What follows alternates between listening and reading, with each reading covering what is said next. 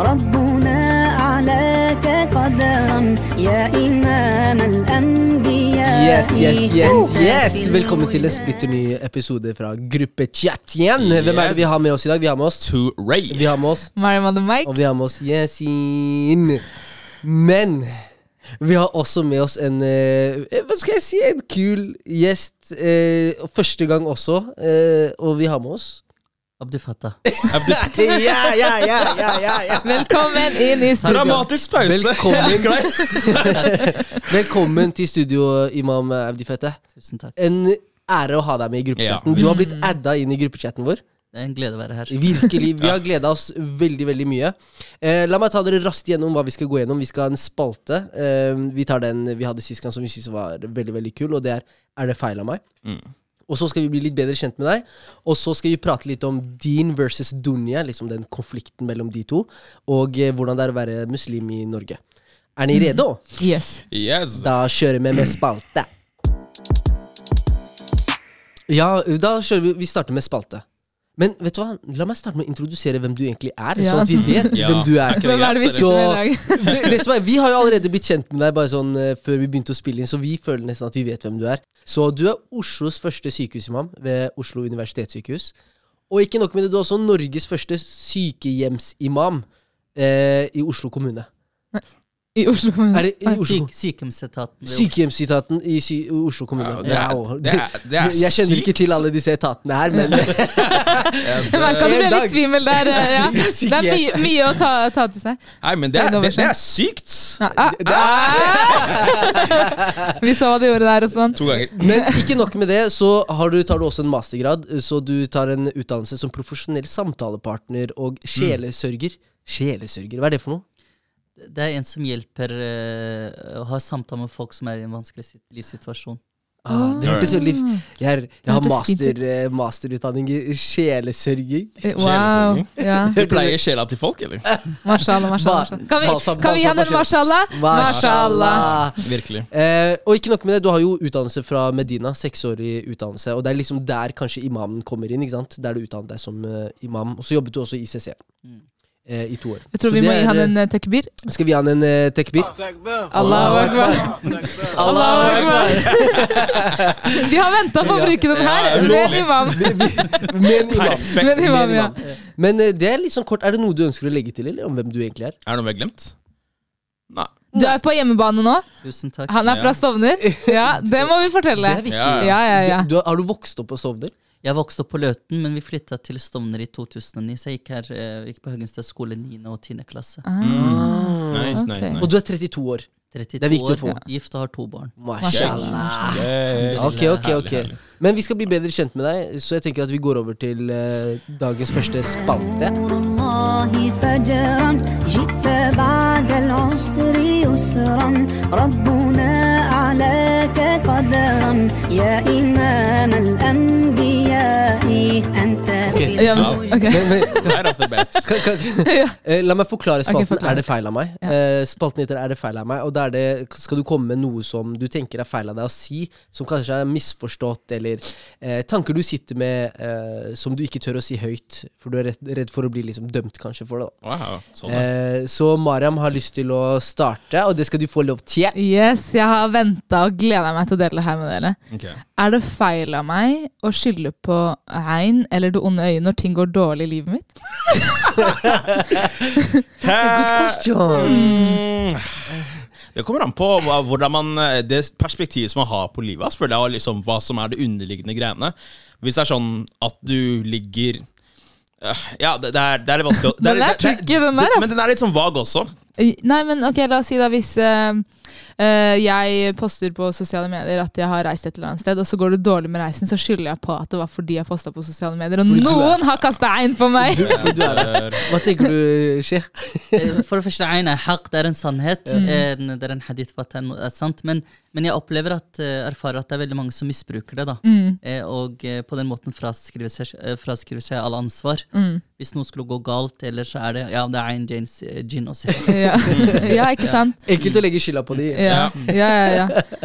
Men det er jo litt sånn Hva gjorde du f før du ble egna, holdt jeg på å si? Ikke sant? Ja, ja, ja. Nei, lese en eller Ja, leste du til kursi?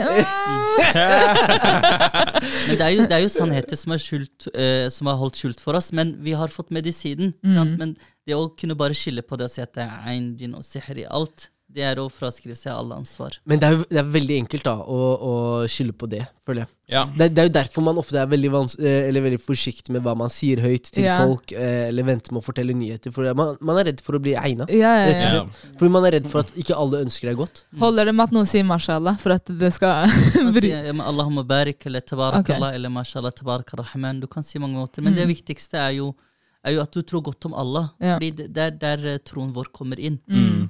Det er ingen som kan skade deg, eller ingenting som kan ramme deg, Ja. Mm. eh, hvis du har Allah med deg. Ja.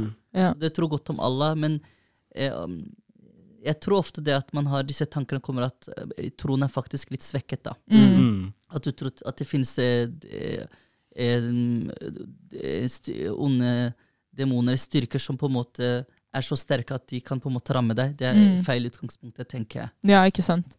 Ja. Nei, så da, da gjelder det å, å rette opp tankegangen der og, og tenke at Gud, han har kontroll over alt. Så ja, har- det er feil av deg, Så det er feil av meg. Ok, takk skal dere ha. Takk. Har dere noe dere tenker at det er feil av dere å tenke? Eh, skal jeg kjøre neste, eller? Eh, Ja, Ja, kjør. Bare kjør. Er, er det feil av meg å tenke at eh, jeg ikke har planer om å bo i Norge, eller at jeg ønsker ikke å bo her i voksen alder?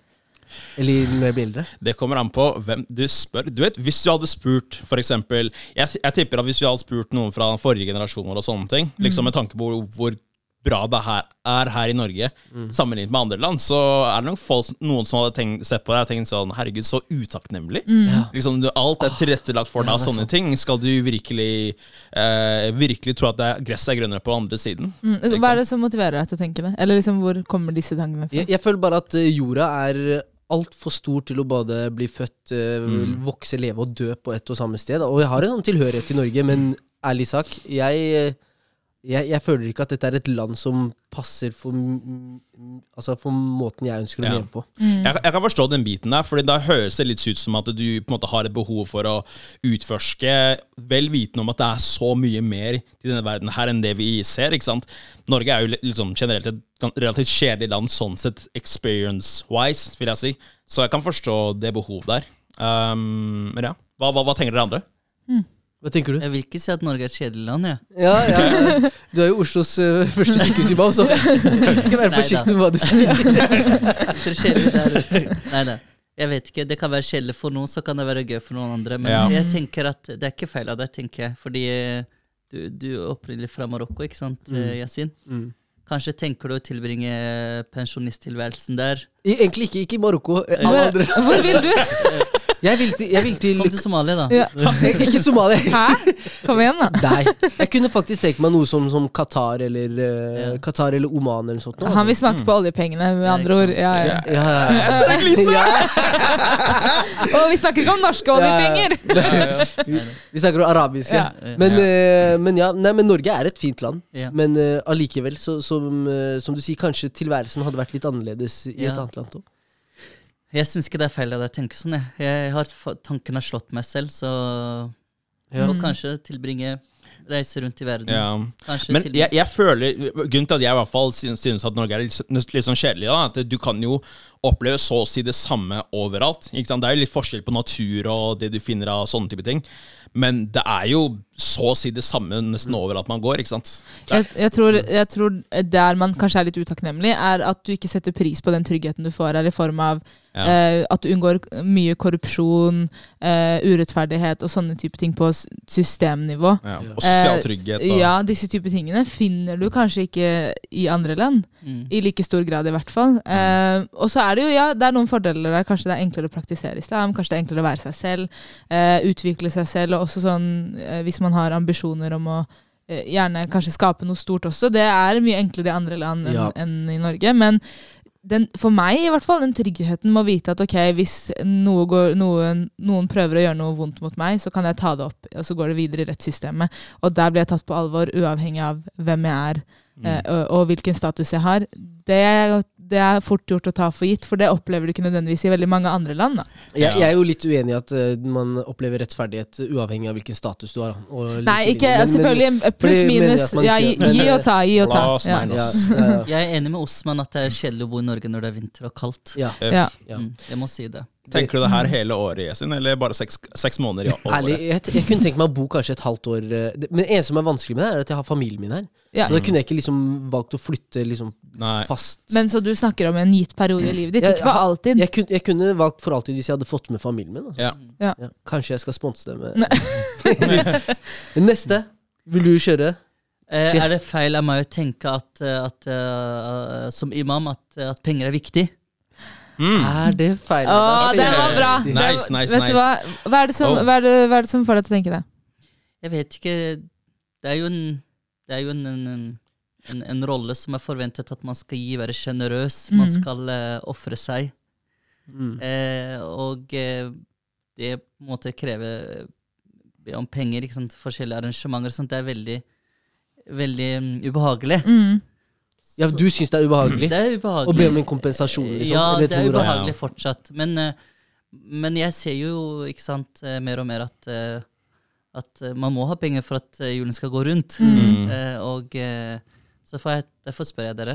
Ja, ja nei, det er, det, er, det er viktig det, og det er i hvert fall viktig hvis du har ambisjoner om å se verden gå rundt i tillegg. ikke sant? Økonomi er viktig, enten man vil eller ikke. Um, og selvfølgelig, her er det bare snakk om om det er, om det er, om det er feil av deg å føle at eh, penger er viktig, og ikke nødvendigvis å tjene mest mulig, for det har vært en litt, annerledes type sak. Men jeg personlig synes at det er helt fair å tenke, fordi det er en naturlig del av livet, og det er jo det som både er standarden for måten vi får ting til å gå rundt her i verden. Ja, jeg syns det var så interessant at du sa det, fordi det er en sånn tanke om at eh, imamer skal kjøre bil fra 1800-tallet, og de skal gå i liksom sko som de har arva fra tre generasjoner. Og, liksom. Veldig sånn humble livsstil. Ja. Og man kan jo fortsatt ha det og fremdeles liksom være opptatt av penger, eller eh, at, at man tenker at det er viktig. fordi det er jo med penger du kan skape og utgjøre en forskjell. Det er jo der, ikke sant? Du har jo f.eks. to barn. Mm. Eh, det koster penger å ha barn. Sånne type Ja. ting. da. Og, og jeg syns det er dumt om man også tenker Altså, hvordan skal man utdanne flere imamer om eh, om man får det til å virke så Hvordan skal man gjøre det yrket attraktivt eh, hvis man skal også si ja, du skal ofre så og så mye av livet ditt, så og så mye av det og det, og du må leve i en mye lavere standard enn samfunnet for øvrig. Mm. Ikke sant? Mm. Hva, hva er det? Hva slags holdning Jeg er det? jeg. Så jeg syns den jobben imamer gjør, er så viktig, og vi må liksom eh, Dere fortjener den lønnen Ja. dere skal ha, og dere fortjener å leve etter en viss standard også, Mm. tenker jeg. Mm. Jeg, jeg, jeg er enig. I bunn og grunn så er det jo litt sånn at uh, innsats skal rettferdiggjøres med en riktig kompensasjon. Mm. Hvis du jobber veldig hardt som en utvikler, for eksempel, så skal du ha god, bedre lønn enn en som akkurat har kommet fra skolebenken. Jeg er litt der.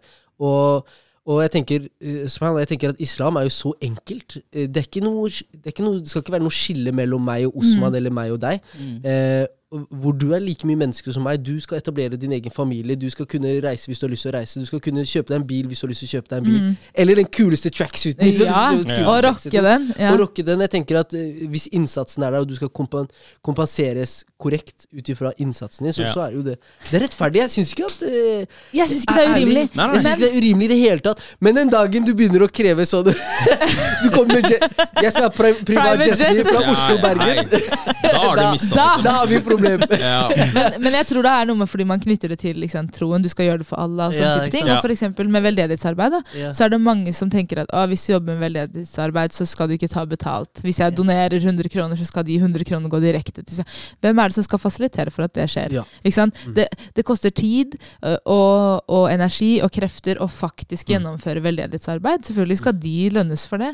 Og hvis jeg ikke tar feil, så kan man betale zakat til folk som driver med veldedighetsarbeid. Kan man det? Nei, de som Eller? samler inn zakah. De som og de som samler inn zakah. Okay, de mm. samler, så de har rett til å få, ja, få en bit av kaka. Ja, ikke mm. sant? Så religionen vår også oppfordrer til at man skal kunne lønne de som driver mm. med arbeid, som, selv om det er for Guds skyld. Yeah. Så jeg tror vi må drive med en sånn holdningsendring. Ja, ja. Absolutt. Og hvis jeg bare kan si, sånn som jeg kjenner det også, så er det Du har faktisk hjulpet, f.eks. her i dag. Du har ikke bedt om noen kompensasjon for å være med å spre et, et budskap? Eller Ikke foreløpig.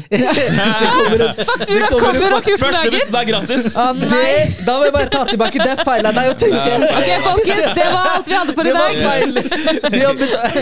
Men, men når dere først sier, sier det Altså, jeg føler på en måte at um, uh, Igjen, sånn som du sa, det, det, jeg syns det er viktig at uh, innsats og kompetanse blir kompensert for og sånne ting. Uh, men jeg føler fortsatt at det jeg på en måte likte med, spørsmålet ditt, uh, er at jeg føler at hvis du eksempel hadde kommet i en Lamborghini så føler jeg at noen folk hadde sett på deg og vært sånn Herregud, eh, skal ikke imamer være Ja. ydmyke og den type ting? ikke sant? Det er jo ingenting som tilsier at du ikke kan bruke penger på den måten her, ikke sant? Um, og hvis du har økonomien til det, så ja, jeg, jeg ser i hvert fall ikke noe feil med det. Men sånn islamsk sett, hva er liksom praksisen nei, der? det er ikke noe galt med det, fordi du kan ha intensjon om å gjøre noe for Allahs skyld, men Mm. samtidig få lønn for det.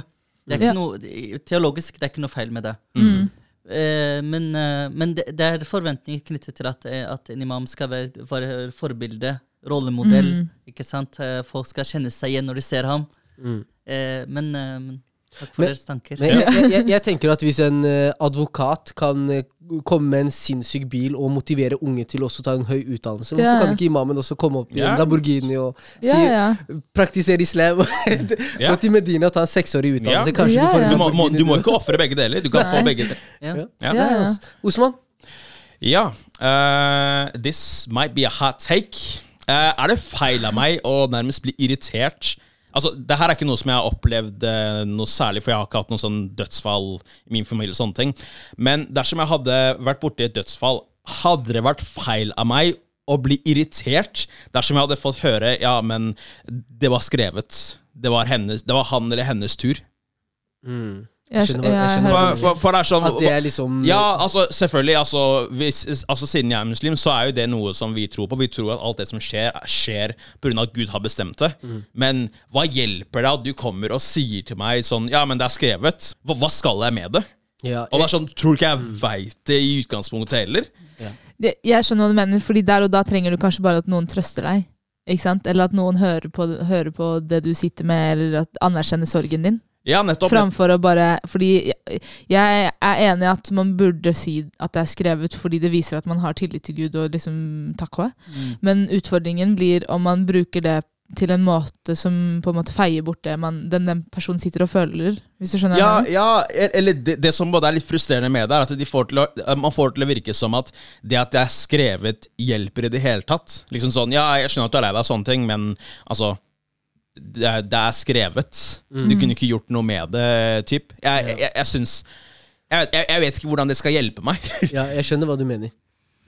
Du har et, det var et godt spørsmål. Eh, sånn teologisk å tror jeg på at alt som skjer, skjer etter Allahs vilje. Ja. Det er jo forankret i troen. Det er Mm. ikke noe og og en av eh, seks eh, trossøylene er jo troen på qadar, Mm. skjebnen. Mm.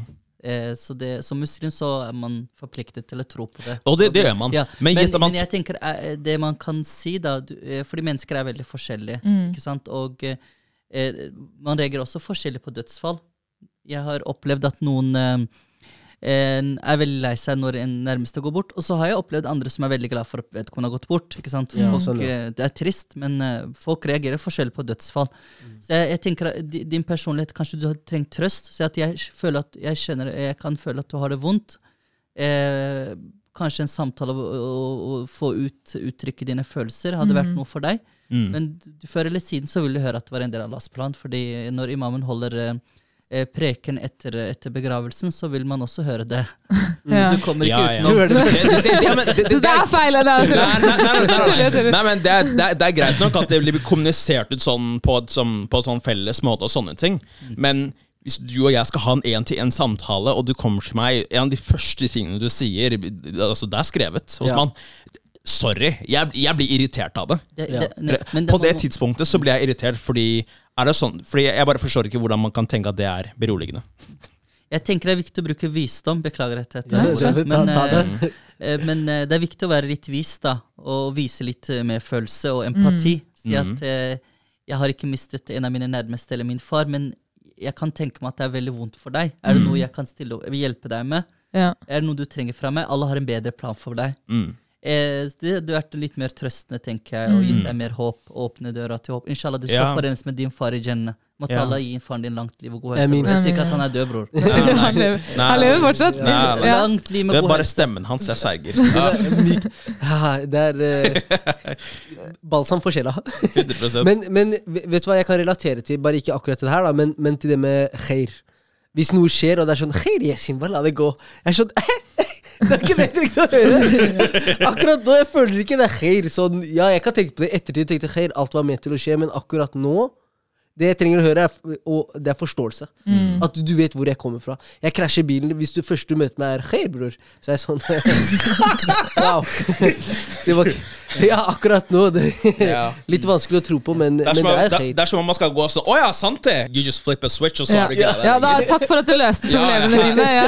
At jeg ikke tenkte på det før. Ja. Ja. Men jeg, men jeg, jeg syns at det at man minner på Gud, vil være et viktig komponent uansett. Ikke sant? At man sier 'Khairin Shalar', og det var skrevet. Men utfordringen blir hvis det er det eneste man sier, og ikke noe mer. Eh, da mangler du den der eh, empatien og å vise den overfor den, Ja. den som sitter i strevet. Eh, og jeg tror kanskje at det kan stamme fra at vi generelt i våre miljøer er litt dårlige på å anerkjenne strev og sorg og disse typer tingene. Så Ja. man, man tyr til Gud, men så glemmer man litt det mellommenneskelige også, som man har behov for å også prosessere. Hvis, eh, ja. Mm. Men disse ordene, inshallah, khair qadar Allah, det setter jo ord på det ordløse også. Mm. Det, er jo, det setter jo ord på det ordløse. Men det er viktige ting jeg ønsker å si. Man kan føle at man har det vondt. For profet Salah, når han mistet sin sønn, Mm, han mistet jo seks av sine barn mens han var i live. Mm, Han hadde syv barn, fire jenter og tre gutter. Seks av dem døde mens han var i live. mm, Når han gråt, så uttrykte han sorgen. Men han sa at eh, hjertet sorger og eh, øynene feller tårer. Og vi er veldig lei oss for at du har forlatt oss, Ibrahim. mm, Og vi sier ikke noe annet enn det, sier vi Allah er fornøyd. Sannelig tilhører vi Allah, og til Allah skal vende tilbake. mm, Så du kan være lei deg. Du kan være, og være frustrert over situasjonen din, men samtidig akseptere at Allah har en bedre plan for deg. ja. Så det er en Wow. god balanse mellom det. Jeg tenker at det var Det var fin en eh, avslutning. god avslutning Ja. på den spalten. Ja. her. Tusen takk. Vi går videre til hovedtemaet. Kjør, da. أنت نور الله فجرا جئت بعد العسر يسرا ربنا أعلاك قدرا يا إمام الأنبياء أنت في Så vi er jo så الوجدان heldige å ha deg her, eh, imam Abdi Fetteh. Så eh, vi- det vi skal snakke om nå, det er din versus dunya. Altså det, dette livet her eh, versus det, liksom det neste livet, dunya. Em, og vi har jo diskutert det her en gang litt sånn tidligere, bare kanskje litt mindre, og ikke med en imam. Em, og det vi egentlig ønsker å liksom få frem, er altså h- hvordan leve et liv her på liksom jorden, samtidig være fokusert på liksom det neste liv, altså det spirituelle, det med troen osv. Mm. Hva tenker, hva tenker vi? Eh, Jeg tenker at det handler om balanse til syvende og sist, fordi islam er en religion som handler om å leve på, den, en, på en balansert måte. Den gylne middelvei. Og, eh, og, eh, du ser dette her veldig klart gjennom profetens bønn. sallallahu alaihi wasallam, når Han pleide å be, han pleide å si Allahumma aslih li dini ladhi huwa usmatu amri. Eh, og Allah, hjelp meg, gjør min religion enkel for meg, som er, den, som er, min, som er min, viktigste sak. Mm. Og aslih dunyai, allati fiha ma'ashi. Og Allah, ordn min verden der livet mitt er, dunya. Mm. Og aslih li akhirati allati ilaha. Og gjør mitt hinside, altså livet etter døden, som jeg, eh, godt som jeg skal returnere til bra. Og så pleide han å si Allah gir meg evne til å utføre alle typer gode gjerninger, og gjør at døden blir en befrielse fra all ondskap. Mm. Så vi ser i profetens bønn at det er en balanse mellom eh, dunya, akhira og din. Så er denne hadithen Allah er nevnt her. Allahumma aslih li dini. Og Allah eh, gjør- gjør religionen enkel, som er den viktige saken for meg. mm, Og, og gjør altså at jeg lever et godt liv her. Som jeg lever, som, det som det livet jeg lever her og nå. Og etter livet, da. Mm. Jeg, Fordi livet her, sånn som vi opplever også islam, og sånn som vi praktiserer, så, så er det jo en liten del av hverdagen vår. mm. Hva gjør vi resten av det? Er, er det å jobbe, er det liksom en Det å jobbe og ha en utdannelse, liksom bidra i samfunnet, er det en del av liksom religionen vår? Veldig godt spørsmål, for det går tilbake til islam. Allah skapte oss for tilbedelse. Mm. Ibade. Mm. Og så er spørsmålet hva er ibade? Ja. Hva er Spørsmålet er hva er tilbedelse i islam? Eh, konseptet ibada islam omfatter hele livet. Alle aspekter av livet. Ja. Det er derfor Ikke Allah sant? subhanahu wa ta'ala sier i Koran Qul inna salati wa nusuki wa mahyaya wa mamati lillahi rabbil alamin. Og Muhammed sier at eh, min bønn og mine gode gjerninger og mitt liv og min død tilhører Allah. Det er ingen ferie fra å tilbe Allah. Så det som er viktig her for at eh, det skal bli en tilbedelse, at du har en riktig intensjon, at du gjør f.eks. når du er god mot deg selv, at du gjør det for Allahs skyld. Når du er god mot dine nærmeste, du gjør det for Allahs skyld. Når du jobber, så er det jo en sånn religiøs plikt å, å, å Mm. forsørge seg selv og sin familie. Så det er en god gjerning som, det, det som avgjør om det er en god gjerning eller ikke, det er intensjonen her. Mm. Intensjonen. For Opplever det, noen av dere at dere får liksom dårlig samvittighet når dere vier av veldig mye tid til liksom eh, Dunja-relaterte ting, da, liksom studier eller jobb osv., Mm. men, men ikke lest nok Koran, eller ikke no lest seg opp på noe annet knyttet til liksom religion? Ja, absolutt. Og jeg, ja, jeg tror man ja, får veldig, veldig dårlig samvittighet av det, faktisk. Og at man kanskje ofte tar seg selv i at man har prioritert litt feil, eller sånne type ting. Og så Ja, faktisk. Det, det har jeg kjent på ofte. Har du det også? Ja, ja, absolutt. Altså, det var jo det var en periode i livet hvor Altså, det er, det er litt sånn ironisk, fordi bønn er jo liksom den andre søylen, men for noen folk, eh, inkludert meg selv en, i en fa tidlig fase i livet, så var det noe av det vanskeligste som jeg egentlig kunne gjøre regelmessig. Så, og det er noe som egentlig bare tar to, tre, fire, fem minutter å gjøre. Uh, men jeg kjente at det var slett bare vanskelig å gjøre den biten der sånn sett. Men til tross for det så hadde jeg selvfølgelig ikke noe problem med å gjøre andre ting som tar like lang tid, men når det var spesifikt snakk om den biten her, så kunne det, så kunne det være ganske vanskelig. da. Mm. For, for hva er det vi opplever blant eh, muslimer, eh, Imam? Er det, liksom, er, det, er, det, er det generelt vanskelig for folk å praktisere religionen sin? Det er to ytterpunkter. Ja. Det er en gruppe som er, eh, som som er bare på din. Mm. Og så er det en gruppe som er likegyldige, som ikke er på din i det hele tatt. Bare dunya. Mm. Og det viktigste er å balansere. Mm. Det handler om å finne Balansegang er et viktig ord her. Er Å, å balansere. Og det er derfor en, en profetisk fortelling det her, Dette skjedde i profetens tid. Mm. Eh, fordi at eh, profetens følgesvenner eh, eh, De fleste av dem var jo balanserte. Men så var det en eller annen følgesvenn som kanskje overanstrenget seg for mye. Han gjorde for mye ibade. Mm. Så det som skjedde var at en av profetens følgesvenner, som het Selman el-Farisi, han besøkte en annen følgesvenn som het Abu Darda. Når han kom hjem til ham, så sa han at eh, kona til Abu Dardau Han sa at hun hadde det ikke helt bra. Litt ustelt, og ting var ikke, ting var ikke ok. Så, han, så, så, så spurte han eh, eh, Mens de snakket med hverandre, så kom Abu Darda. Og så sa Abu Darda hilste på Selman, og de satte seg ned, og han serverte ham mat. Altså Abu Darda serverte mat til gjesten som er Selman. Og så sa Abu Darda spiser jeg fasten. Og så sa Abu, nei, jeg kommer ikke til å spise med mindre du spiser med meg. Og så sa, han, og så sa Selman kan jeg overnatte hos deg i kveld. Og så sa han ja. Så de, de, når, når de skulle til å legge seg, Abu Darda sto opp for å be, så sa Selman nei, sov. Mm. Og så prøvde han å igjen våkne um, i, igjen og sa nei, sov. Og når det nærmet seg Fajr, han vekket ham og sa nå kan du be. Mm. Og så når de var ferdig med å be, så gikk de på profetens moské for å be Fajr. Og så før de dro, så sa eh, Selman sa til eh, Abu Darda, og Abu Darda vit at Allah har rettigheter overfor deg. Du har rettigheter overfor deg selv. Inna li rabbika alayka haqqan. Og inna li nafsika alayka haqqan. Du har også rettigheter overfor deg. Du må ta vare på deg selv. Mm. Du må gi deg hviletid. Og inna li ahlika alayka haqqa. Dine, din familie har rettigheter overfor deg. Og inna li dayfika alayka. Din gjest har rettigheter overfor deg. Fa'ati kulli di haqqin haqqa. Gi hver sin rett. Mm. Balanser. Og så kom de til profet sallallahu alaihi wasallam, salat al-fajr, og så sa han eh, og så fortalte Abu Derda hele historien til eh, profeten, for han ville forsikre seg at han hadde riktig forståelse. Han, Selman. Mhm. han sa 'sadaqa Selman'. Selman talte sant. Mm. Så det, det, det å kunne faktisk, hvis du tar vare på deg selv og, og pleier deg selv, så er det ibadah. Mm. Hvis du pleier din familie, ta vare på dem, det er ibadah. Jobber du, det er ibadah. Ber du, det er ibadah. Så det er viktig at Men det jeg har opplevd som imam, det er at um, mange misforstår konseptet ibadah. De begrenser til ritualer og praksiser. Mm, ja. Så de får så dårlig samvittighet hvis han jobber litt overtid. Åh, Dunya har tatt over meg. Dunya, Dunya. Ja, og det, det, det, er, det er egentlig veldig bra det du sier der, for, um, for, uh, for jeg har jo vært borti noen, tilfeller hvor, uh, hvor jeg har vært borti noen personer som har uh, hatt såpass stor, stor fokus på ibada at de faktisk har glemt noe av familien og sånne ting. Det er jo viktig å tenke på Gud og være, bev være bevisst og sånne ting, og gjøre ting eh, for Guds skyld. Men man må jo huske at det å ta vare på familien din og kona di eller mannen eller hva det måtte være, det er også en ibada. Ikke sant? Det, det å delta øh, i frivillige settinger og gi mye av deg selv og sånne ting, det er også en ibada. Right? Eh, så en del av det Og det er jo akkurat sånn som Yesin nevnte i en tidligere episode, altså det liksom å være en ressurs som bidrar og hjelper andre og sånne ting, det er en del av religionen. Eh, jeg, jeg har noe nytt å ta opp eller i forhold til det temaet. Men det er en ting som jeg har syntes har vært litt vanskelig å forholde meg til.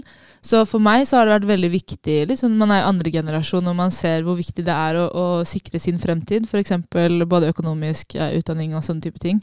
Så en ting som har vært veldig viktig for meg, er å alltid tenke ok, hva vil jeg trenge om ti år, og prøve å jobbe for det nå. For det må man begynne med veldig tidlig hvis man skal ha det om ti år.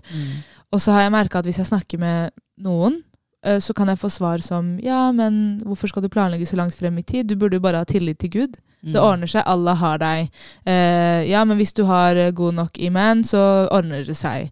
Gud har deg. Disse typer tingene. da. Og, og det har sånn, det har satt meg litt i tvil på om det jeg gjør er riktig eller ikke, fordi jeg, jeg er helt enig i at til syvende og sist så er det Gud som bestemmer utfallet, og det er viktig å ha tillit til Gud i alt man gjør. Mm. Men jeg tenker også at man må sette inn en innsats. Jeg kan ikke bare sitte på sida og vente at eh, det som vil komme, vil skje. Eh, og så har ikke jeg gjort noe for at jeg skal på en måte påvirke utfallet. da, Skjønner du hva jeg mener? Mm. Hva tenker dere om det i forhold til liksom, ja, den, det å finne den balansen? Jeg, jeg syns det, er det, var, eh, at det er en feil, eh, feil eh, måte å snakke om troen på. Det er ikke tawakkul. Det, er, Mm. det å feste sin tillit til Allah har to fundamenter. To, to fundamenter. Det er at du stoler på Allah subhanahu med hele ditt hjerte, at han ønsker deg vel. Mm. To, at du gjør en egen innsats. Så de lærde pleide å si alltid at du må jobbe for din dunya som du skal leve for evig, og jobbe for din akhra, som du skal dø i morgen. Ja. Så den balansen er veldig viktig, det å planlegge. Så tawakkul betyr jo eh, Og profeten brukte eksempelet at hvis dere hadde stolt på Allah slik han fortjener å bli stolt på, så ville han forsørge dere som fugler. Mm. De drar jo fra, eh, fra sitt hjem tidlig på morgenen og kommer hjem eh, sultne og kommer hjem mett. Men fuglene de drar tidlig ut av sitt hjem. Veldig tidlig, før fajr. Mm. Så du gjør en innsats Ja. for å få ris. Forbilder. Så når man sier at du må stole på Allah, at han ønsker deg vel, at det er noe godt som venter deg, men du må gjøre også egen innsats. Det er Ikke Nei, men Det var fint å få oppklart, for det, det er en sånn diskusjon jeg merker at jeg har hatt med veldig mange. Og til slutt så har jeg bare trukket meg ut av det. vært sånn, ok, Jeg må bare kjøre på med min egen greie. Men jeg skjønner jo nå at man kan ikke forvente Man kan ikke etterlate alt ansvaret til uh, Gud. Eller liksom Du må faktisk sette inn en innsats selv. Mm. Og, ja. Bra. Og, og jeg synes, dere, har, dere er flinke. Jeg, synes, øh, jeg hører mange gode meninger og diskusjoner. Synes, så det er veldig bra. Og sånn som Hvis jeg skulle rappa det her opp egentlig nå, så er det en av de tingene som jeg kanskje finner veldig interessant og veldig overbevisende med også religionen vår, det er at det er ikke bare en tro, det er en livsstil. Mm. Det er, liksom, det, er, det er en måte å leve på som ikke begrenser deg, sånn at du bare gjør det ene eller bare det andre, men at du lever så normalt. Og det, det, det, er den, det er den roen man også får med at islam er ikke begrensende. Tvert imot, den skaper muligheter, og den, den er så enkel. Og det er ikke sånn enten velg en utdannelse eller vær muslim. Mm. Det er hei, gjør begge deler, og du vil Mm. få belønning for begge deler også. Mm. Eh, Enig, og jeg tror det er derfor jeg syns det, jeg synes det kan være vanskelig å diskutere religion med andre enten eh, som praktiserer en annen religion enn islam, eller som ikke er praktiserende. Fordi islam er den eneste religionen som omfavner alt. Samfunnet og livet og eh, liksom alt som dreier seg rundt et menneske. ikke sant? I andre religioner så er det ofte deler av det, men det dekker ikke hele. Så det vil jo være ganske naturlig at islam får en veldig sånn stor plass i alle områder i livet Mm. på ulike måter. Um, å forklare det til andre kan fort være vanskelig, og Ja. man, man, man møter ikke på forståelse, da, ikke sant? som kan være litt sånn frustrerende når man Mm. står litt i det, Ja. og som også kan skape tvil. Mm. At man sitter og tenker sånn, ok, men Mm. Drar jeg den? Gir jeg religion for stor plass? Ikke sant? Men, men når islam har regler for absolutt alt, Mm. eh, dekker både arv og hvordan politikken i landet skal foregå, og hva du kan spise og ikke, og hva du skal Mm. ikke sant? Det gir deg rammer, da. Mm. Og, og veldig fine rammer. Og det, Det er kanskje sånn sammenlignet med andre typer religioner. Er hvis, hvis man har en litt sånn en lærd i en annen religion, så er det ofte at de vier hele livet sitt til det. De skal kanskje ikke gifte seg, de skal kanskje ikke få barn. Mm. Eh, de, skal, de skal være så annerledes fra alle andre, mens vi Mashallah, du har to barn, og du og du- Mashallah, du- mashallah. Det kommer flere, bror. Ikke sant? Og det er litt det, er litt det, det er også med at religionen vår er en livsstil for enhver, uavhengig om du er en imam eller om du er en, en helt vanlig person, hvis jeg skal si det, bare sånn som alle andre. Og det leder meg til en, en, en, en, en, en, en annen eh, fortelling, hvor Rasul igjen også prøver å fortelle oss at vi skal balansere livet. Mm. Det var eh, tre unge gutter som kom til en av profetens koner som spurte hva det han pleide å gjøre. Så hun fortalte det, hans eh, daglige rutiner og kveldsrutiner og alt. De følte åh, en profet som er elsket av alle, han som, som, gjør så gode gjerninger. Vi må gjøre litt mer. Så han ene sa at jeg skal ikke gifte meg, fordi det kommer til å gjøre meg opptatt fra arbeidet. Mm. Han tredje sa at jeg skal faste hver dag sammenhengende hele året. Og han tredje sa at eh, jeg skal be hele natten, jeg skal ikke sove. Når profeten, profeten hørte det, han holdt en preken. Han sa 'Hvem er det som sier det og det?' Han nevnte ikke de tre gudene, han vet hvem det var. Men han ville på en måte oppklare dette her med balanse i livet. Han sa 'Hvem er det som sier eh, eh, «Ana a'lamukum lillah», Jeg kjenner Allah best, og jeg, jeg er mest bevisst på Allah. Jeg ber om natten og sover. Jeg gifter meg og tilber Allah. Jeg faster, og noen dager faster ikke. Den som velger å leve på en annen måte enn min levemåte, er ikke blant oss. Åh. Så profetens levemåte er den balanserte levemåten. Hvor du gir alle, hvor du eh, utfører alle dine eh, Ja. forpliktelser overfor Allah, overfor deg selv, overfor familie, Ja. overfor samfunnet. Ja, og det, ah, det her er, jeg syns det her er så interessant, fordi Subhan, det tar meg også til en annen diskusjon jeg hadde med noen av vennene mine her om dagen, hvor eh, mange av de tingene som vi har, som oppleves som en lettelse, f.eks. at vi ikke skal faste hver dag, eller at vi skal kunne gifte oss, det er gaver vi har. Det er, det er gaver som alle har sagt gjør det. Ikke sant? Og hvem er vi til å takke nei? For eksempel at vet du hva, vi har en gave at vi kan spise. eh, I hverdagene. Vi kan gifte oss. Ja. Vi kan få oss barn. Det er en gave! At alle har sagt 'ta det', og så allikevel så skal vi tenke 'nei, jeg skal være den eksklusive'. Det, Ja. jeg skal ikke være som alle andre. Det, det er helt eh, Det er ve veldig spesielt. Men vi er nødt til å gå videre, fordi det er også neste spørsmål sånn Nå har vi snakket om liksom det å balansere det her, og det er spørsmålet eh, hvordan? Hvordan er det egentlig det å være muslim i Norge, så, et, et samfunn som, som vi har i Norge, og det å praktisere religion um, som vi ønsker å prøve å gjøre også i Norge? Vi snakker om balanse, men hvordan er realiteten i Norge? Føler vi at vi trekkes mer i den ene retningen enn den andre retningen? Føler vi på utfordringer som vi kanskje ikke hadde følt andre steder? Og hvor føler vi at ansvaret vårt egentlig ligger? Ja, så jeg kan jo si, I forhold til det jeg sa nå nylig Jeg tror, jeg tror en av grunnene til hvorfor det er vanskelig å praktisere islam så åpen, åpent i Norge, er fordi man ikke er vant til en tro som omfavner alle aspekter ved livet. Mm, og som gjerne er veldig personlig. Ja, Mm. Og, og ja. Så, så det, det blir ikke mulig for oss å distansere oss fra troen, fordi den er en del av vår identitet. Mm. Det finner du kanskje ikke i like stor grad i andre religioner eller tros, eh, trosretninger. Men derfor blir det også veldig personlig når noen ikke lar deg praktisere troen din, eller på en måte dytter deg unna. Hvis man sitter med, for eksempel En ting jeg har skjønt på, er at jeg noen ganger føler at jeg ikke kan være meg selv. Ikke sant? Hvis Mm. jeg er i miljøer som ikke aksepterer min tro.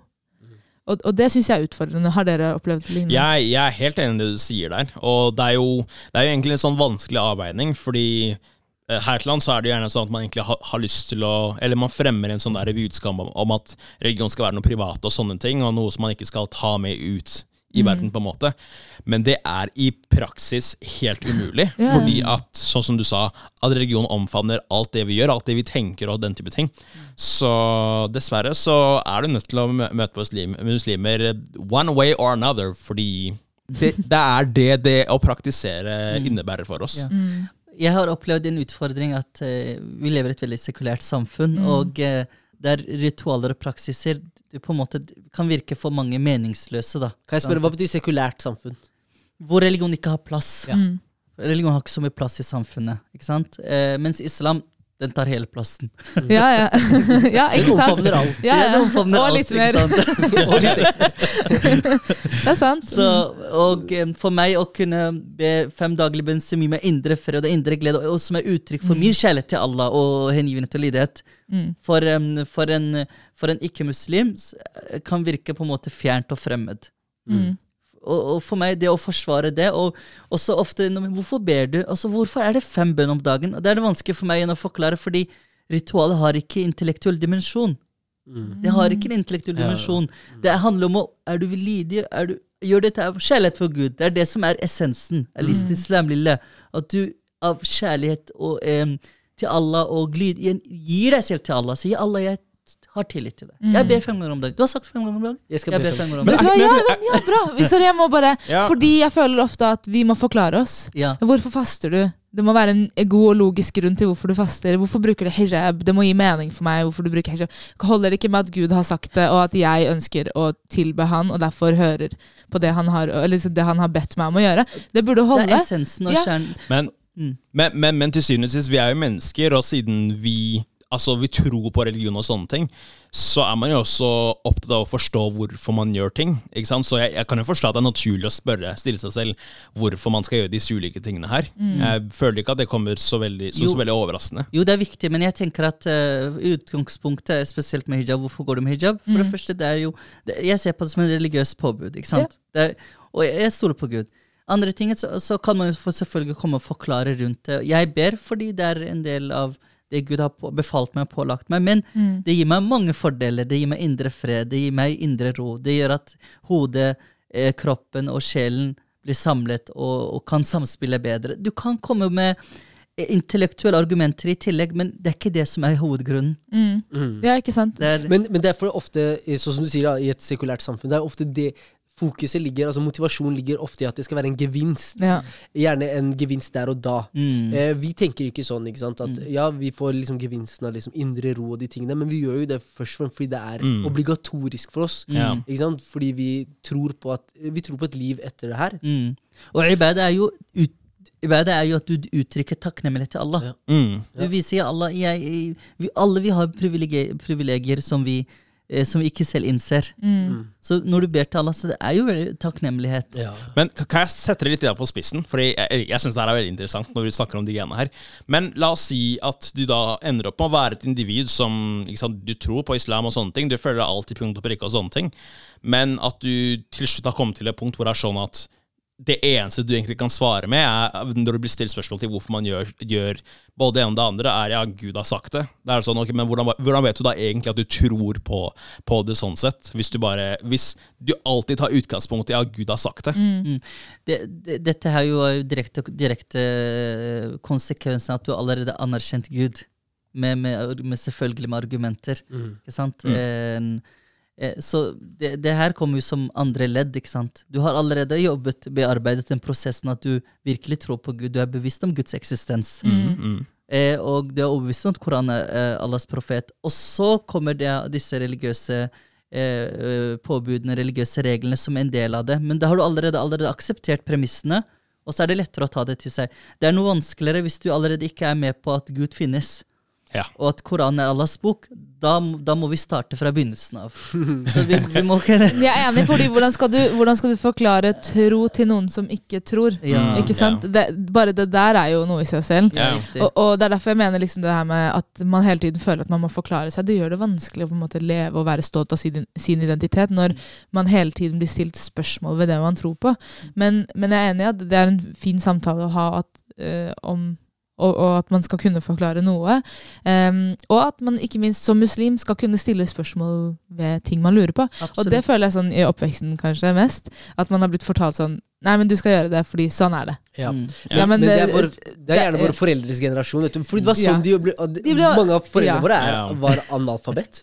Altså De kunne ikke lese, lese selv, og de, det de lærte, var det de ble fortalt. Ja. Mm. Eh, og det var, det var vandrehistorie, veldig mye av det. Ja. Eh, og og da, det er det vi har blitt opplært til. Så vi er jo en helt annen type generasjon, Så- hvor vi kan, Ja. faktisk kan fact-sjekke. Men Det proble problemet er at jeg tror det at man ikke får muligheten til å stille disse spørsmålene, Mm. eh, får flere til å dra bort fra religionen. Absolutt. Fordi man sitter i mye tvil, og den eneste forklaringen man får, er 'sånn er det'. Ja. Ikke, hva Ja. tenker du om Jeg det? er helt enig med deg. Jeg, det er basert på min erfaring, og jeg kan ikke snakke på vegne av Men av, min- av erfaring så vet jeg at det er viktig at man for, eh, forteller også årsaken til ting. Mm. Og det ser vi også i Koran, eksempler hvor eh, en, eh, det er Et eksempel fra Koran.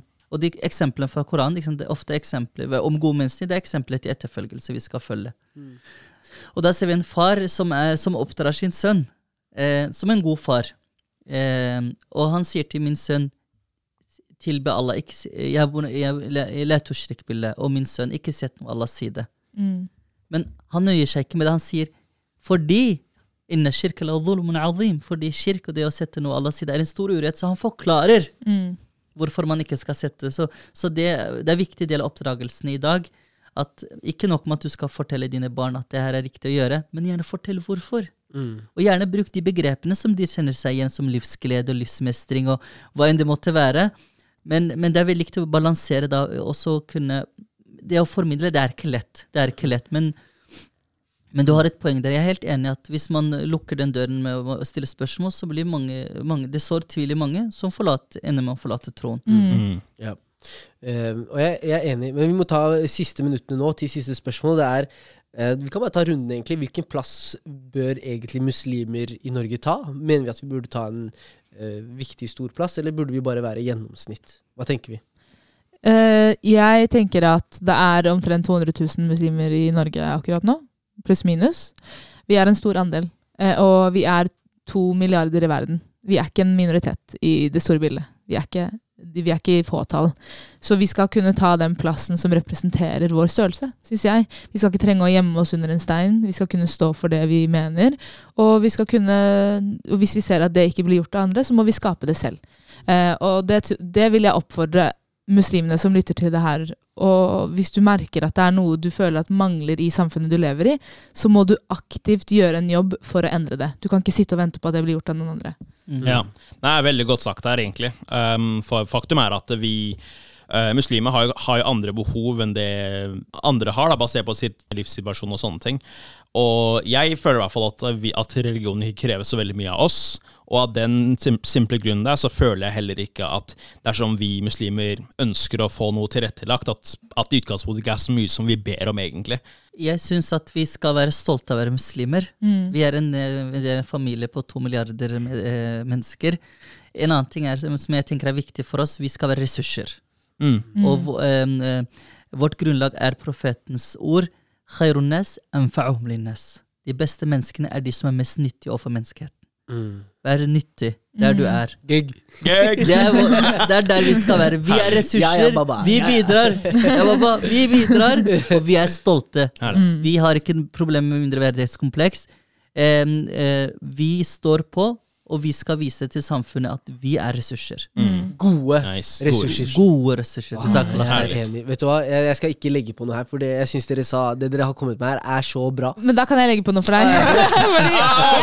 Here we go! Kan du slappe den? Nei, det du ikke vet om oss, at jeg elsker å ta det siste ordet. Og jeg synes jeg burde, I og med at jeg er en minoritet her blant dere tre. Tusen takk. Imamen ga meg ordet, dere kan ikke ta det fra meg. Eh, jeg ville si, jeg har jo en matblogg der jeg eh, publiserer halal Markedsføre.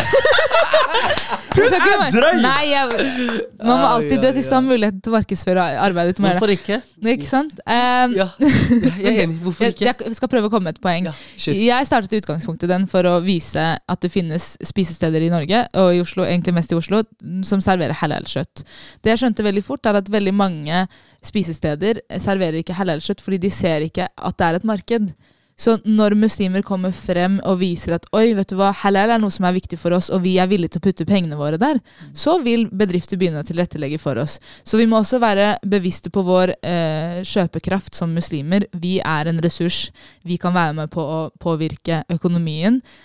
Tenk litt hvor du plasserer pengene dine. Støtt organisasjoner og bedrifter som Holmlia kulturkafé. det er eh, kafeen hans på Holmlia. Eh, som som eh, ønsker å tilrettelegge for dine behov. Ja. Tenk over hvor du plasserer pengene dine, for det påvirker veldig den, eh, altså det man kan produsere av eh, Mm. restauranter, Ja. kafeer og alle andre typer bedrifter i, i samfunnet vårt. Så ha det i bakhodet. Og hvis ikke samfunnet er en motivasjon til å begynne med, tenk på deg selv og din fremtidige familie. da, for eksempel. Du ønsker kanskje at barna dine skal ha eh, mulighet for å be, om det er på skolen eller i jobbsammenheng, Mm. eller mulighet til å spise den maten som kanskje du ikke fikk eh, muligheten til å spise. Om ikke det var en motivasjon nok. Then I don't know. Herlig. I hvert fall, folkens, veldig, veldig bra. Eh, Mm. vi skal takke no for nå. Imam eh, Abdi Fettah, takk for at du var med i Tusen episoden. takk. Tusen Eh, takk Eh, virkelig, Det virkelig hyggelig. Virkelig hyggelig. Hvor kan man finne deg? Jeg, jeg er på sosiale medier, jeg. Og så reiser jeg rundt i Norge. Ah. Så alhamdulillah, jeg, jeg har Instagram-konto. Hva heter du på Instagram? Eh, Abdi Fatah M. Mahmoud i ett ord. Ja, ja, ja.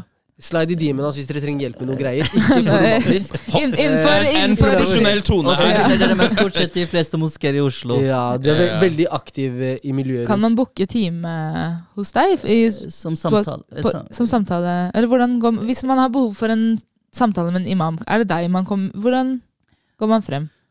Godt spørsmål, for nå jobber jeg ikke lenger i en moské. Jeg jobber jo nå som sykehusimam, ikke sant. Mm. Eh, men eh, det har jeg ikke tenkt på. Ja, er, det, pa- Mm. er det pasienter, da? Man må være pasient på det sykehuset? Man. Jo, man må være pasient på sykehuset. Ja. Men, Men, men jeg, jeg er jo ikke på sykehuset hele tiden. Ah, Vet du hva, jeg syns du skal starte ditt eget AS. jeg, Ja, altså. ja, ja. Som tar samtale med Ja, muslimer. ja, ja. Jeg, har, jeg, har- jeg har ikke tenkt så mye på det egentlig, men Mm. uh, faktisk det er veldig mange som tar kontakt med meg fordi at de føler at jeg forstår dem bedre. Ja. Ja. Og så har du en veldig, veldig fin tone, og du er veldig enkel å prate med. Mm. Jeg merker jo det i de samtalene vi har hatt. Behagelig fin stemme. Veldig behagelig. Men, men vi er nødt til å runde av. Eh, følg med på ekstraepisodene, for der er du også sammen med oss, eh, Imam. Eh, Og så har vi kjørt med, med, en- med en videoserie på våre sosiale medier, der du Ja. også er med å besvare spørsmål. Ja. Veldig gøy. Eh, hvis dere lyttere har noen spørsmål, så kan dere sende dem på at gruppechatten på Instagram. Gjerne legge igjen fem stjerner om dere liker podkasten, og så hører vi ja, ja, minimum. og så ses vi i neste episode. Yes. Da var det Vi snakkes!